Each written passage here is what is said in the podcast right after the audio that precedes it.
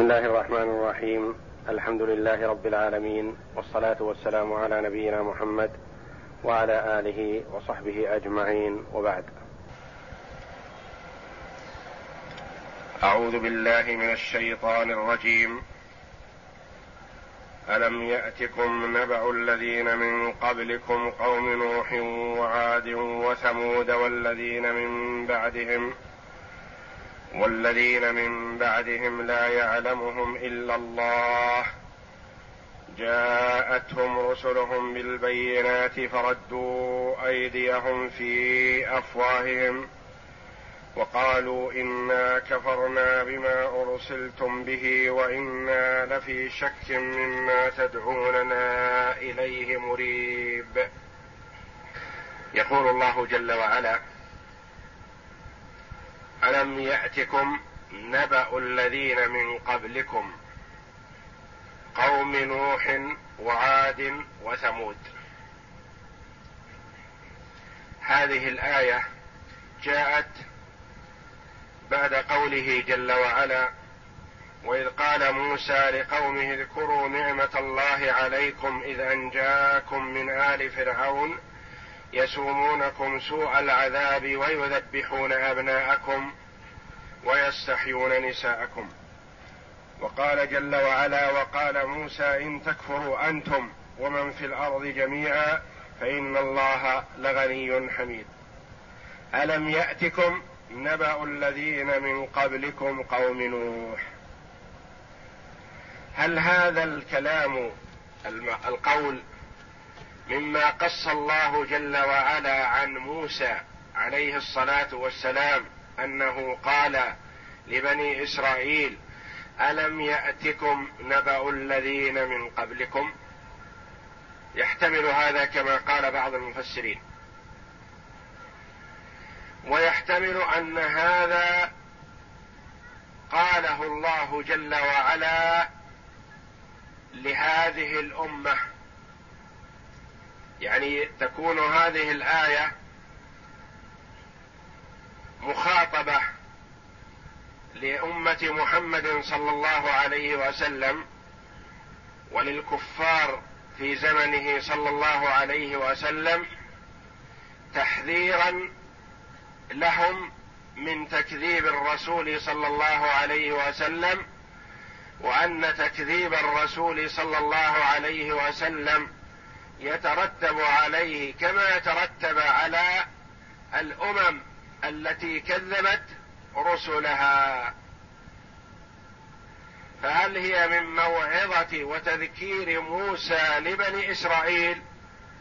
أم هو كلام مستأنف ساقه الله جل وعلا لهذه الأمة أوحاه الله على محمد صلى الله عليه وسلم لينذر قومه بذلك.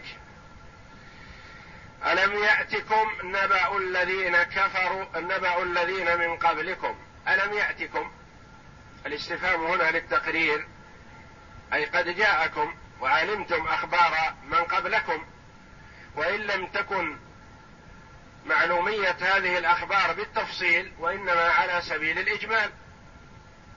علمتم يا كفار قريش بأن الله جل وعلا أغرق قوم قوم نوح عليه السلام لما كذبوه وأنجى الله جل وعلا نوحا ومن آمن به بالسفينة. وأهلك الأمم بعدها لما كذبت أنبياءها. فعاقبة التكذيب هذه فاتعظوا. وآمنوا بمحمد صلى الله عليه وسلم. ألم يأتكم؟ يعني قد جاءكم وبلغكم فالاستفهام للتقرير نبأ يعني خبر. والنبأ هو الخبر المهم. كما قال الله جل وعلا عما يتساءلون عن النبأ العظيم يعني عن الخبر الهام. نبأ الذين من قبلكم نبأ الذين من قبلكم من هم قال جل وعلا قوم نوح وعاد وثمود الأمم الأمم السابقة قوم بدل من الذين نبأ الذين من قبلكم قوم نوح وعاد وثمود معطوف عليها والذين من بعدهم لا يعلمهم إلا الله. والذين جاءوا من بعد هؤلاء الأمم لا يعلمهم إلا الله جل وعلا. إذا قرأ هذه الآية عبد الله بن مسعود رضي الله عنه يقول كذب النسابون. وكان أنس بن مالك رضي الله عنه يكره أن ينسب الرجل نفسه إلى أن يوصله إلى آدم. لأن هذا يترتب عليه الكذب. فلا يعلم الإنسان ما بينه وبين آدم من الآباء. وورد أن بين إبراهيم عليه السلام وعدنان الذي هو الجد الأعلى للنبي صلى الله عليه وسلم ثلاثون قرنا وحينما جاء نساب إلى علي بن أبي طالب رضي الله عنه قال إنني أعرف الأنساب إلى آدم فتلا عليه هذه الآية فوقف وعجز. قال إن الله جل وعلا قال والذين من بعدهم لا يعلمهم إلا الله. فنفى العلم عن جميع البشر واختص جل وعلا بعلمهم. وهل العلم هذا بأعيانهم أو العلم بأحوالهم أو العلم بأخلاقهم وديانتهم وما حصل منهم أو العلم بما بما قيل لهم وبما ردوا به على الرسل؟ الله أعلم. فعلم الله جل وعلا محيط بكل شيء لا تخفى عليه خافية وقد يعلم البشر شيئا ويخفى عليهم أشياء. كما في قوله جل وعلا ويعلم ما في الأرحام. هذه مما اختص الله جل وعلا به. ولا يقال إن الأطباء قد علموا ما في الرحم اهو ذكر أم أنثى احي أو ميت نقول قوله جل وعلا ويعلم ما في الأرحام يعلم جميع أحواله ويعلم جل وعلا مآله ويعلم جل وعلا أهو شقي أو سعيد ويعلم ما في الأرحام. فعلم الله جل وعلا شامل ومحيط بكل شيء لا تخفى عليه خافية. والمخلوق يعلم شيئا ويخفى عليه أشياء. والذين من بعدهم أي جاءوا بعد عاد وثمود لا يعلمهم إلا الله. جاءتهم رسلهم بالبينات. ألم يأتكم نبأ الذين من قبلكم؟ ما هو نبأهم؟ هذا هو نبأهم. جاءتهم رسلهم بالبينات. جاءتهم بدل من نبأ الذين من قبلهم. جاءتهم رسلهم بالبينات وتفسير له. جاءتهم رسلهم بالبينات بالدلالات الواضحة والمعجزات الباهرة المقلعة الدالة على صدق الرسل وعلى وحدانية الله جل وعلا وعلى استحقاقه للعبادة وحده لا شريك له. جاءتهم رسلهم بالبينات يعني بالأمور الدالة على صدقهم بالحجج الواضحة. وبالمعجزات البينة الدالة على وحدانية الله جل وعلا.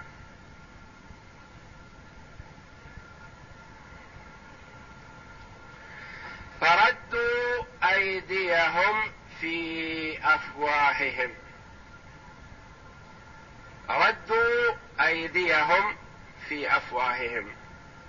فسرها العلماء رحمهم الله بعدة تفسيرات وكلها محتملة وكلها ممكن أن تكون مقصودة وهذا دلالة على إعجاز كلام الله جل وعلا وأنه قد يفسر ويدل على معان كثيرة كلها تصدق عليها الآية.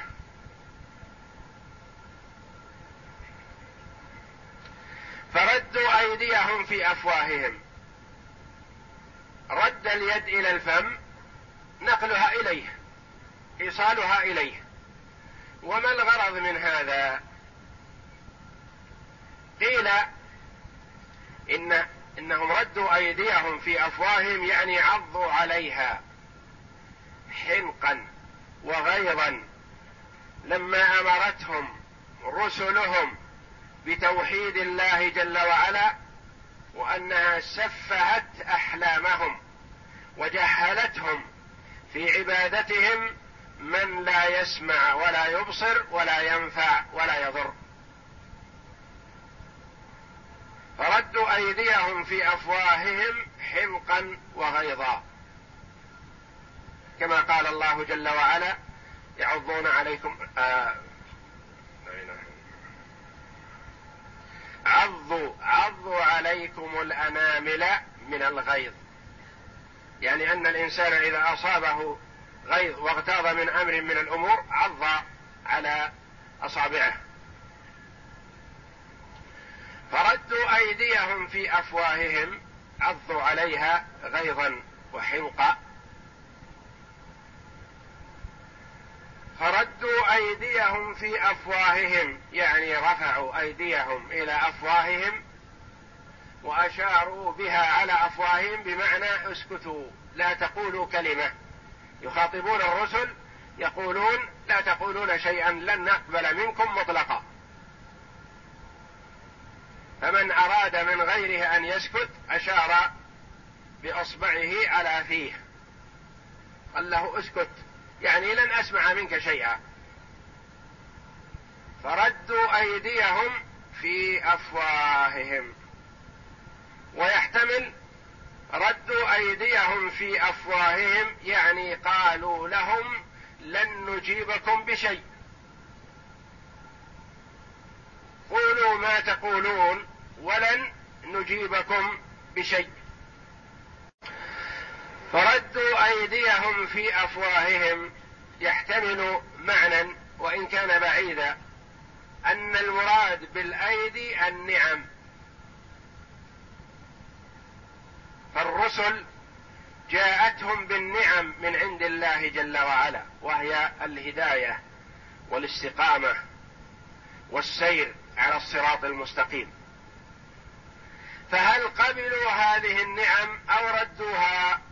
ردوها بأفواههم يعني ردوا على الرسل بنطق ألسنتهم ولم يقبلوا منهم ما جاءوا به. رد النعم التي أرسل الله جل وعلا إليهم على أيدي الرسل بمنطوقهم وكلامهم بألسنتهم بأنهم لن يقبلوا ذلك. وقال بعض أهل اللغة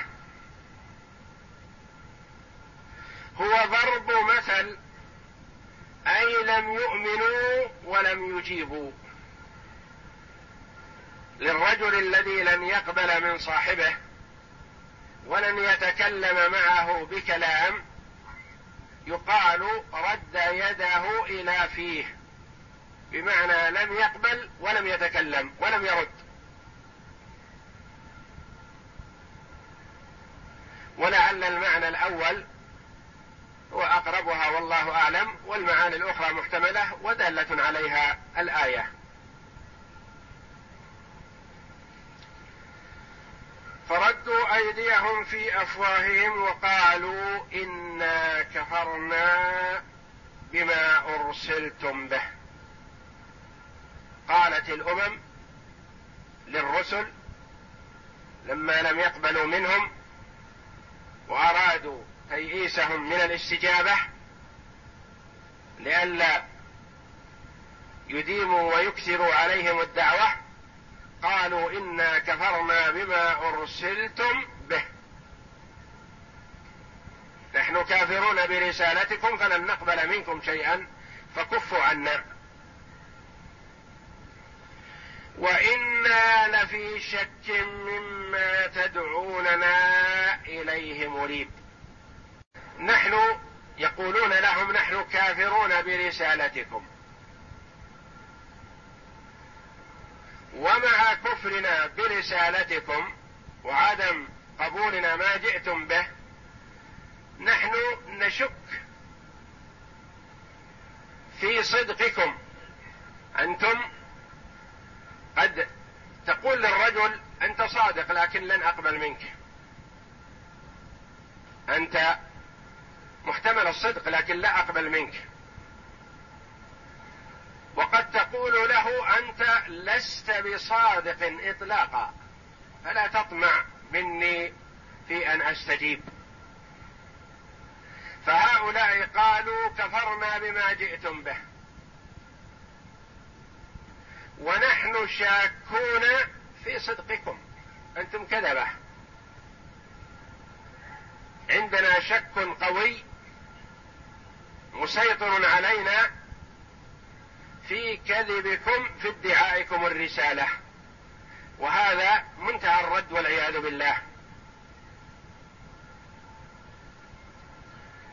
لأن المرء قد يصدق ما يقول صاحبه لكن هو مقتنع منه. وغير قابل له. يقول محتمل أنك صادق لكن لا أقبله. فهؤلاء قالوا لن نقبل ما جئتم به ونحن في شك قوي ظاهر في كذبكم في ادعائكم الرسالة. بماذا أجابت الرسل صلوات الله وسلامه عليهم أجمعين؟ قالت رسلهم أفي الله شك. وهذا يحتمل معنيين. هل أنتم شاكون في وجود الله؟ أفي الله شك. هذه النعم التي تترى عليكم وتتتابع من أين تأتيكم؟ أفي الله شك.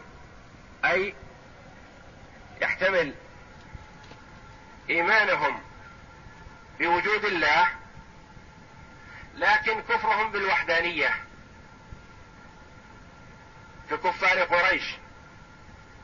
كفار قريش يعرفون أن الله جل وعلا هو الذي خلق السماوات والأرض وهو الذي خلق الخلق ويعطي الأرزاق وهو المحيي وهو المميت. لكنهم أنكروا لما جعل الآلهة إلها واحدا. أجعل الآلهة إلها واحدا. إن هذا لشيء عجاب. فقول الرسل لأممهم قالت لهم رسلهم قالت رسلهم أفي الله شك؟ يعني هل أنتم شاكون في وجوده؟ أم أنتم شاكون في وحدانيته واستحقاقه للعبادة؟ يحتمل الأمرين.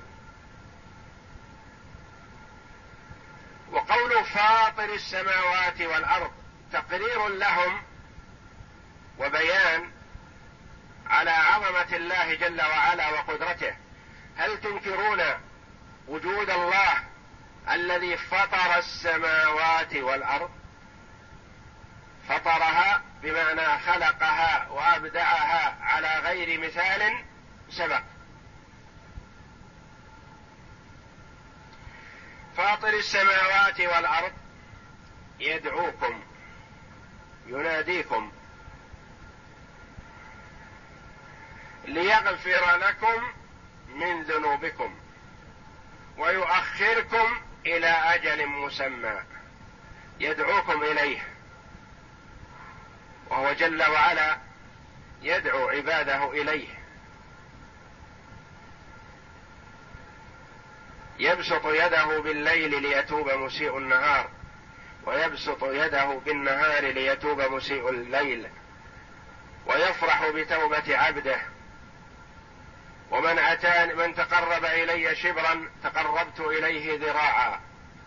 ومن تقرب إلي ذراعا تقربت إليه باعا. ومن أتاني يمشي أتيته هرولة. فالله جل وعلا يدعو عباده إليه ويرغبهم في أن يلتجئوا إليه ويعتصموا به ويسألوه. وإذا سألك عبادي عني فإني قريب أجيب دعوة الداعي إذا دعان. فليستجيبوا لي وليؤمنوا بي لعلهم يرشدون.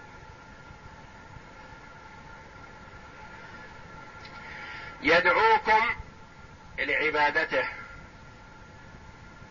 وترك عبادة ما سواه ليغفر لكم من ذنوبكم.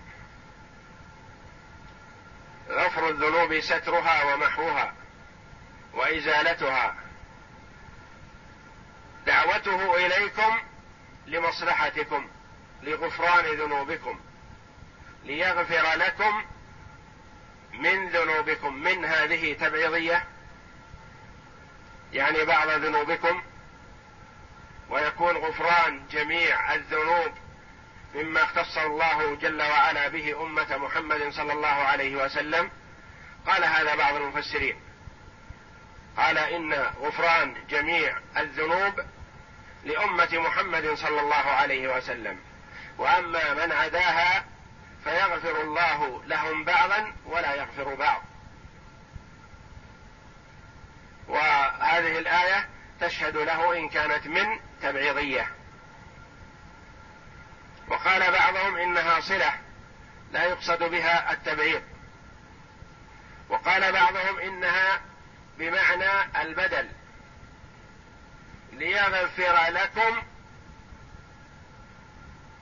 ذنوبكم. ليجعل المغفرة بدل ذنوبكم. ليعطيكم المغفرة بدلا من الذنوب. ويؤخركم إلى أجل مسمى ويؤخركم إلى أجل مسمى. ليغفر منصوب بأن مضمرة لأن يغفر ويؤخر معطوف عليه. ويؤخركم إلى أجل مسمى. إذا آمنتم أخركم إلى أجل مسمى أجله الله جل وعلا ولم يستعجل عليكم بالعقوبة. وقد يكون للأمة في علم الله جل وعلا أجلان. إذا آمنت لها أجل مؤخر وإذا كفرت فلها أجل معجل. إلى أجل مسمى. هذا ما قالته الرسل صلوات الله وسلامه عليهم لأنبيائهم لأممهم. ماذا أجابت الأمم؟ قالوا إن أنتم إلا بشر مثلنا. تريدون أن تصدونا عما كان يعبد آباؤنا فأتونا بسلطان مبين. إن أنتم إن هنا نافية. أي ما أنتم إلا بشر. قالت الأمم للرسل أنتم لا ميزة لكم علينا فأنتم بشر. مثلنا لستم ملائكة نزلتم من السماء ولا جئتم من الجنة وإنما أنتم من أبنائنا ومن معارفنا تأكلون وتشربون وتصحون وتسقمون فأنتم بشر. لما جئتم بما جئتم به. وإنما أردتم بقولكم هذا أن تصدونا تصرفونا. تصرفوننا عما كان يفعل آباؤنا. هذا هو هدفكم. صرفنا وصدنا عما كان يفعل آباؤنا من قبل. فإن كنتم صادقين فأتونا بسلطان مبين بحجة بينة واضحة ظاهرة. وقد أخبرنا النبي صلى الله عليه وسلم الصادق المصدوق بأنه ما من نبي من الأنبياء إلا وقد أوتي ما على مثله آمن البشر. الله جل وعلا إذا أرسل رسولا أعطاه آية أو آيات دالة على صدقه ولا محالة. ولكن المعاند والمكابر يرد الآيات ولا يقبلها ولا يستفيد منها إلا من أراد الله له الخير. فأتونا بسلطان مبين يعني بحجة بينة واضحة تدل على صدقكم. وقد أتوا بالسلطان المبين ولكن من أراد الله جل وعلا إضلاله فلن تنفع فيه الآيات وما تغني فيه النذر. بماذا أجابت الرسل صلوات الله وسلامه عليهم قالت لهم رسلهم إن نحن إلا بشر مثلكم. نحن ما ادعينا أننا ملائكة وما ادعينا أننا نخالفكم في صفاتكم البشرية نحن مثلكم بشر. نأكل ونشرب وننام ونستيقظ ونتعب ونصح ونقوى ونمرض. إن نحن إلا بشر مثلكم ولكن الله يمن على من يشاء من عباده.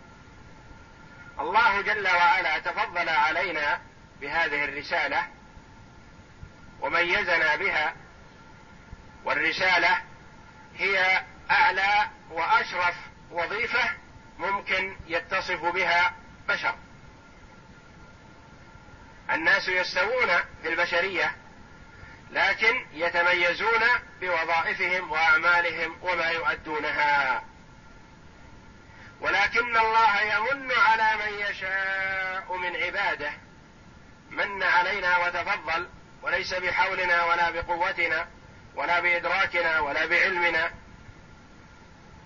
ولا بتحيلنا ولا بجدنا ولا باجتهادنا وإن هذا منة من الله جل وعلا. وهكذا العبد المؤمن بالله إذا تفضل الله عليه بنعمة نسبها إلى مسديها وموليها الله جل وعلا واعترف بحق الله جل وعلا واستعان بها على طاعة الله جل وعلا. فتكون هذه النعمة في الدنيا موصولة بنعم الآخرة عليه. ومن الخلق والعياذ بالله من إذا تفضل الله عليه بنعمة تجبر وتكبر وتعاظم على عباد الله وعصى أوامر الله جل وعلا وظن أنه متميز عن نوع البشر وأنه أرفع منهم وأعلى مكانا. وتعاظم وتكبر على عبادة الله جل وعلا فصارت هذه النعمة التي أعطي إياها في الدنيا مالا أو جاها أو غير ذلك صارت نقمة. وسبب لعقوبته في الآخرة والعياذ بالله فبها يخسر الدنيا والآخرة. ولكن الله يمن على من يشاء من عباده يعطي من يشاء من عباده ويفضلهم على بعض. والله جل وعلا فضل بعض خلقه على بعض. وأما الشق الثاني من السؤال في قولهم فأتونا بسلطان مبين. قالت الرسل وما لنا أن نأتيكم بسلطان إلا بإذن الله. نحن لا نستطيع أن نأتيكم بما تطلبون. وليس لنا حول ولا تصرف وإنما الله جل وعلا هو الذي يعطينا الآيات فنعطي فنأتيكم بها. وأما أن نأتيكم بما تطلبون أنتم فليس الأمر إلينا. وهذا تفويض إلى الله جل وعلا. من الرسل صلوات الله وسلامه عليهم. بأنهم فوضوا الأمر إلى الله جل وعلا ولم يجعلوا لأنفسهم شيئا. وهكذا المؤمن في جميع أحواله وأموره يفوض الأمر إلى الله جل وعلا وأن ما شاءه الله كان وما لم يشأه لم يكن. ويقول أنا أحرص على كذا على وجود كذا أو على إيجاد كذا والأمر إلى الله. إن أراد الله جل وعلا وجوده وجد وإذا لم يرد الله جل وعلا وجوده فمهما أردت أنا أو أراد غيري فإنه لا يوجد. والمؤمن يكون دائما متعلق بربه جل وعلا. ويقول الله جل وعلا ولا تقولن لشيء إني فاعل ذلك غدا إلا أن يشاء الله. لا تقول أفعل لك غدا كذا. أو أعمل كذا ما تدري. غدا هل تكون حي ولا ميت. قل إن شاء الله. إن أراد الله ذلك فعلته.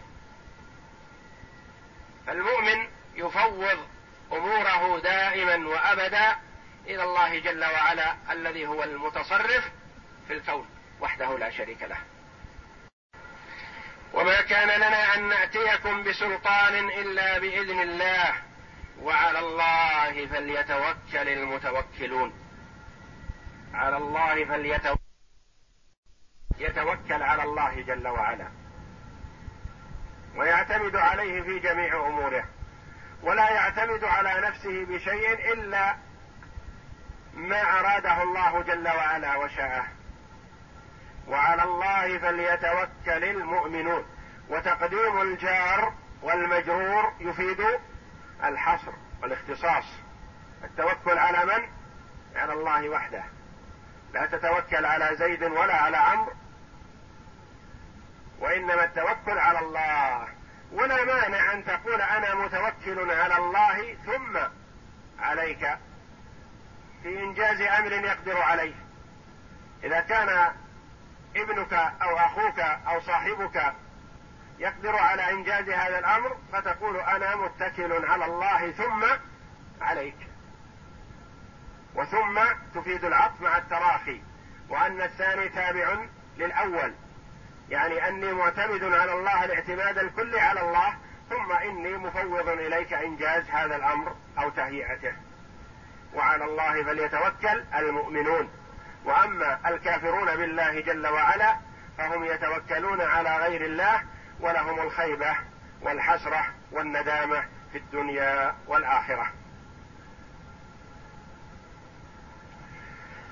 ثم قالت الرسل من باب التأكيد لما تقدم وما لنا ألا نتوكل على الله.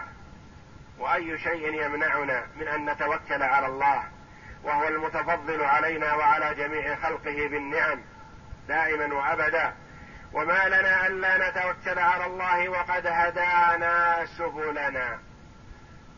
هذا فيه إشارة إلى أن مخالفتنا إياكم على طريقتكم إنما هي بهداية وتوفيق من الله جل وعلا. هو الذي أرشدنا وهدانا فنحن ما خالفناكم من تلقاء أنفسنا ولا بذكائنا وإدراكنا بأننا أعلى مستوى من البشر أو منكم. أو أدركنا بعقولنا ما لم تدركوا لا.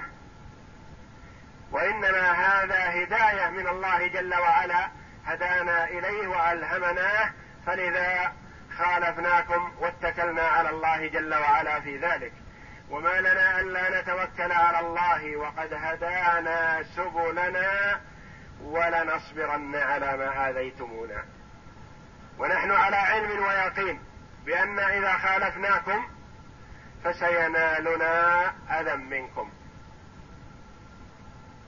هل تظنون أننا إذا آذيتمونا عجزنا أو ضجرنا أو ما تحملنا ورجعنا إلى طريقتكم ومذهبكم؟ لا. ولنصبرن على ما آذيتمونا.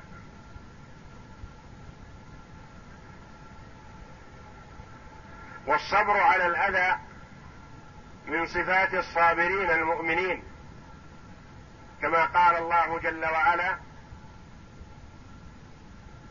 والعصر إن الإنسان لفي خسر. مطلق الإنسان في خسارة وهلاك عموم الناس. إلا الذين آمنوا وعملوا الصالحات وتواصوا بالحق وتواصوا بالصبر.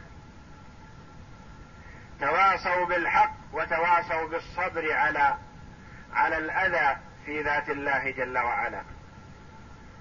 وأشد الناس صبرا في ذات الله جل وعلا هم الأنبياء. وأكثرهم صبرا نبينا محمد صلى الله عليه وسلم. ولنصبرن على ما آذيتمونا على أذيتكم لنا. وإيذائكم ومن الأنبياء عليهم الصلاة والسلام من ضرب ومنهم من قتل. وأوذوا في ذات الله صلوات الله وسلامه عليهم فصبروا. ولنصبرن على ما آذيتمونا وعلى الله فليتوكل المتوكلون. تأكيد لما سبق. وعلى الله فليتوكل المتوكلون. من أراد أن ينجح في توكله فعلى الله أن يتوكل. يتوكل على الله ليكون توكله نافعا مثمرا بإذن الله. وأما من توكل على غيره ولم يلتفت إلى الله جل وعلا فقد خاب وخسر وندم ومآله إلى الخزي والعياذ بالله. ولنصبرن على ما آذيتمونا وعلى الله فليتوكل المتوكلون كما تقدم في تقديم الجار والمجرور وعلى الله يفيد الحصر أي أن التوكل المحمود التوكل الصحيح التوكل الشرعي هو من توكل على الله جل وعلا. والله أعلم وصلى الله وسلم وبارك على عبد ورسول نبينا محمد وعلى آله وصحبه أجمعين.